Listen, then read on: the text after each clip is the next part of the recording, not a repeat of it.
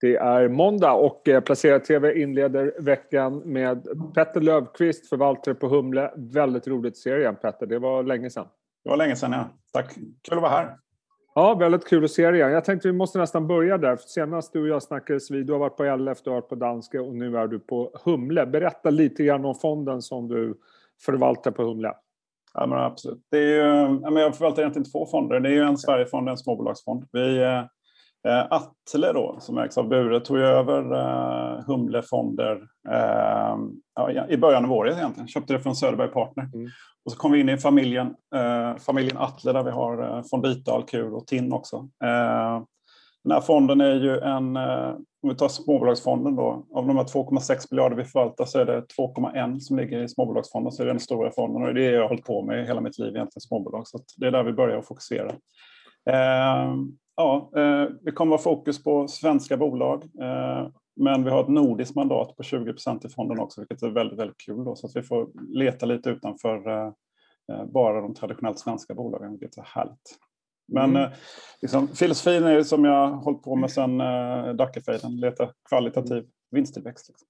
Ja, bra. Vi kanske ska prata om något sånt idag. Eh, ja, kul att ha dig tillbaka i varje fall. Du, eh, eh rapportperioden drar igång den här veckan. Smygstartar mm. lite grann idag, sen bara säger det pang. Mm. Idag har vi fått rapporter från TF Bank och Note. Visserligen helt eh, olika typer av bolag, men jag tycker ändå det finns en röd tråd när jag läser de här rapporterna. Det är ju att båda pratar om att de ser någon form av normalisering och mer eh, liksom förutsägbar marknad. Är det verkligen. vad du tar med dig också? Ja, men verkligen. Alltså, båda, båda vd-orden äh, nämner precis det du säger. Äh, att, att det finns äh, att det var, det var jobbigt under andra halvåret förra året men att vi haft en, en väldigt stark start på, på året 2021 och att liksom man kan se att vi kan lämna lite av den här pandemin bakom oss, kan man konstatera. Om man tittar på Note specifikt så är det ju, liksom, de, de säger att de har en 30% högre orderbok eh, nu då jämfört med förra året. Det är kanske inte så konstigt, men, men, men, men något som också är intressant i Note tycker jag, det är, det är den här komponentbristen som de nämner också, att, att ja. Eh, man bygger lite lager för att liksom motverka komponentbristen. Så det är liksom mycket av alla teman som florerar ute finns i Notes rapport. Ja, eh, bra start på, på rapportperioden får man väl ändå säga. Förutom dagens två rapporter från TF Note, båda stigit 2-3% så har det varit liksom ett pärlband av positiva vinstvarningar också. Hur, hur reagerar du på det? Ja, jag tycker det som är intressant är att, att det är inte någon specifik bransch som, mm.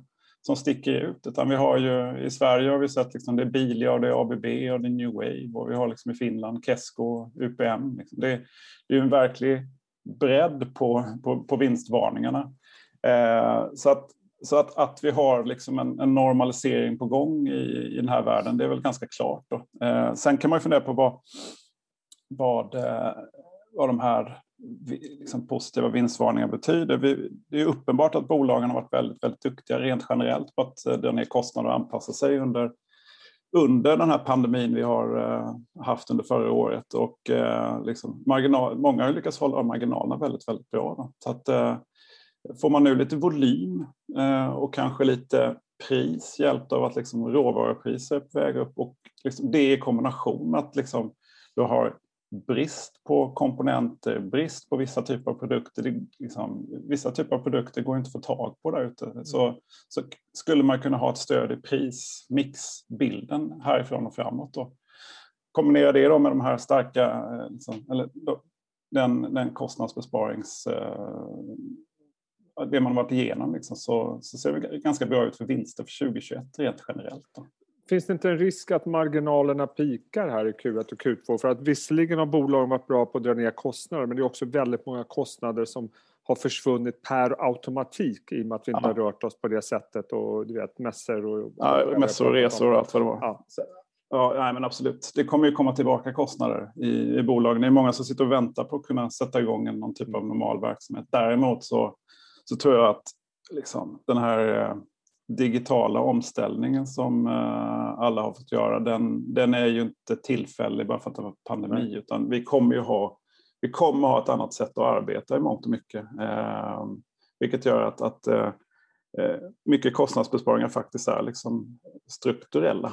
Eh, men, men det är klart det kommer komma tillbaka kostnader när, när, när världen öppnar upp. Eh, så vi får liksom ett, ett lite kostnadstryck uppåt. Då. Men, men kan man kompensera det då med att, att, att du har en efterfrågan i, i marknaden som faktiskt också tar fart och att du kanske kan ha en, en priskomponent som hjälper dig också. Så kan det motverka. Det där är intressant. Vi har ju sett ett antal bolag som har lyckats höja priserna ganska mycket. Sen ser vi fortfarande att efterfrågan på vissa eh, tjänster fortfarande är rekordhög. Vi har pratat hantverkare och vi har pratat trädgårdsmästare och det är, jag försöker få tag på en hund. Det är helt omöjligt. Det, är liksom, det känns ju fortfarande som att det är ett väldigt stort tryck inom väldigt många sektorer. Vad, vad säger det här om Q2 och Q3, kanske framförallt Q2 som kanske är dessutom kanske ännu lättare i jämförelsetal mm. än vad vi har mm. sett i Q1.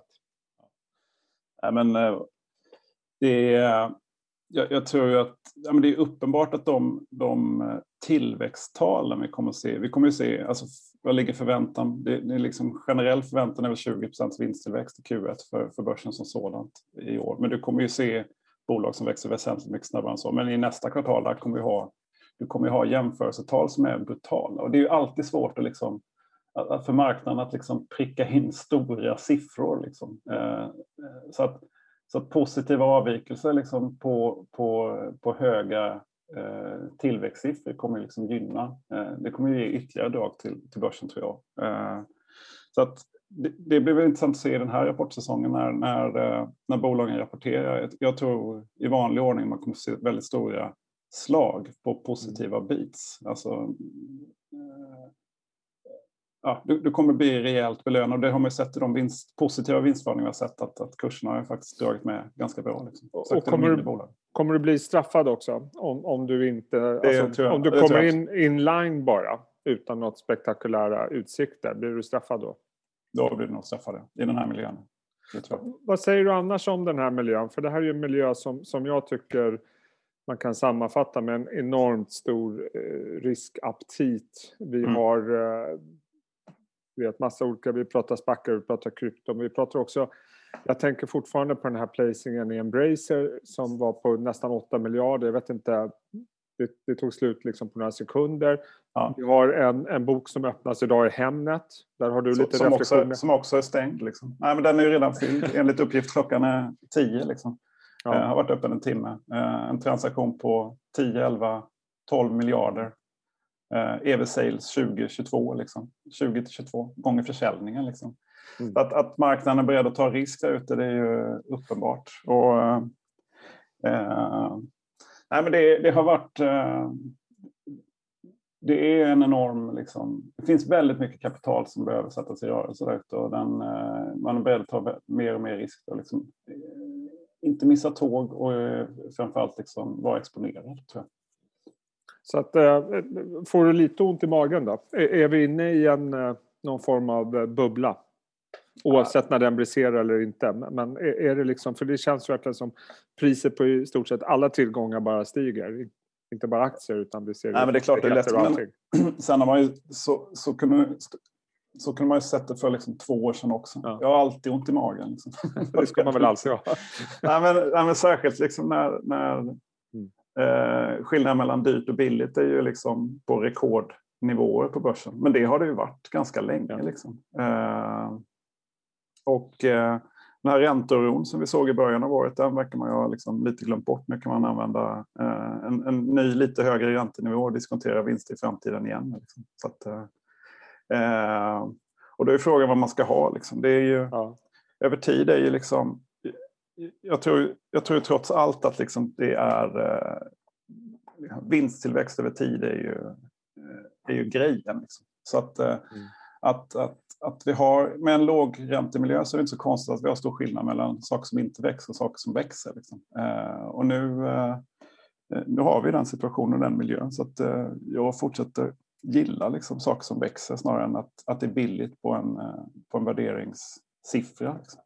Och innebär det att uh, den här diskussionen om värdeaktier, tillväxtaktier, så tror du fortfarande, även om att det liksom, du måste gå till tillväxthörnan för att hitta liksom mer bättre avkastning framöver? Är, är det så man ska ja, resonera? Ja, jag tror det. Alltså, värdebenet, ja, det ska det vara, eh, den ska ju vara någon typ av eh, försäkring mot att, att, eh, att börsen ska ner. Då. Då, då, ska man väl in i värde och det är väl det man har sett liksom, i de eh, liksom sektorrotationer vi har haft. Men de, eh, de har ju tenderat att reversera alla de vi har sett de senaste ett och ett halvt åren. Ja. Så att eh, mer tillväxt. Har du något exempel? Du pratade tidigare om att du har ett nordiskt mandat eh, och eh, vi har pratat lite svenska bord. Har du något nordiskt exempel på en aktie som, som, ja, men jag tycker, du tror på? Ja, men ett, ett bolag som har fått eh, stryk är ju eh, kanske oförtjänt stryk. Då. Det, eller, nej, men, ja, Ad, Admicom i Finland till exempel är ju ett, ett sånt case. Eh, då har vi ett, ett, en tillväxtaktie som, eh, som faktiskt inte har eh, klarat sig speciellt väl i år. Då. Den, eh, den var uppe på 140 euro i slutet av förra året och nu kan du få den för 95-96 euro. Är det bara en sektorrotationsrörelse? Ja, för den har ju liksom ja, packat jättemycket i år. Ja, men I det här fallet så, så, är det lite... Det här är ju en... De säljer mjukvara till, till byggindustrierna och industriella kunder i Finland, små och medelstora byggare med allt liksom från redovisning, faktura och offerthantering och timredovisning och allt vad det må vara. Eh, det här är ju en, en, sektor, det här bolaget har vuxit liksom 35 till 45 procent per år de senaste fem åren. Mm. Eh, och de har kanonfina liksom marginaler på 45-50 procents ebitda-marginaler. Eh, 2020, eller deras försäljningsmodell bygger väldigt mycket på att man faktiskt kommer ut och träffar de här byggarna och får visa produkten. För att byggare, de, de, har liksom svårt att köpa den här typen av produkt digitalt. Så att man, man behöver ha en säljare som är där ute. Mm. Och det har ju såklart liksom tagit stopp under, eh, under pandemin som har varit och den lockdown som man har haft i Finland. Då. Så att, eh, eh, ja, och, och, bolaget har varit extremt eh, öppna med att visa på att, att, så är fallet och man har sett det i försäljningssiffrorna också. De fortsätter växa men inte alls de här fina siffrorna som vi har sett historiskt.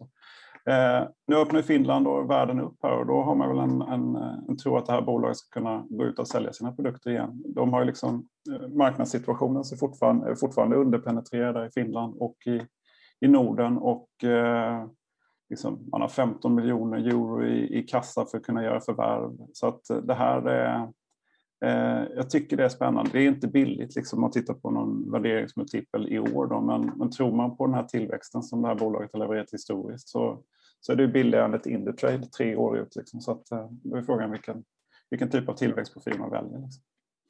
Mm. Ja, intressant. Det är alltid intressant med sådana här aktier som får liksom den typen av rörelser vi har sett i Admicom i, ja. i år. Eh, samtidigt som man kan bibehålla de tillväxtsiffrorna eh, ja. som man har haft. Eh, ja. Och eh, digitaliseringen kommer givetvis fortsätta. Ja, det kommer fortsätta. Nej, så den, eh, den tror jag är härligt. Eh, väldigt roligt att snacka med dig igen Petter. Ja, detsamma. det här gör vi om tycker jag. Ja, det gör vi. Ja. Gör vi. sköt om det så får vi hålla tummarna att rapportperioden blir så bra som vi alla förväntar oss. Vi får se. Ja, vi får se. Sköt om det. Det säger vi. Ha det bra.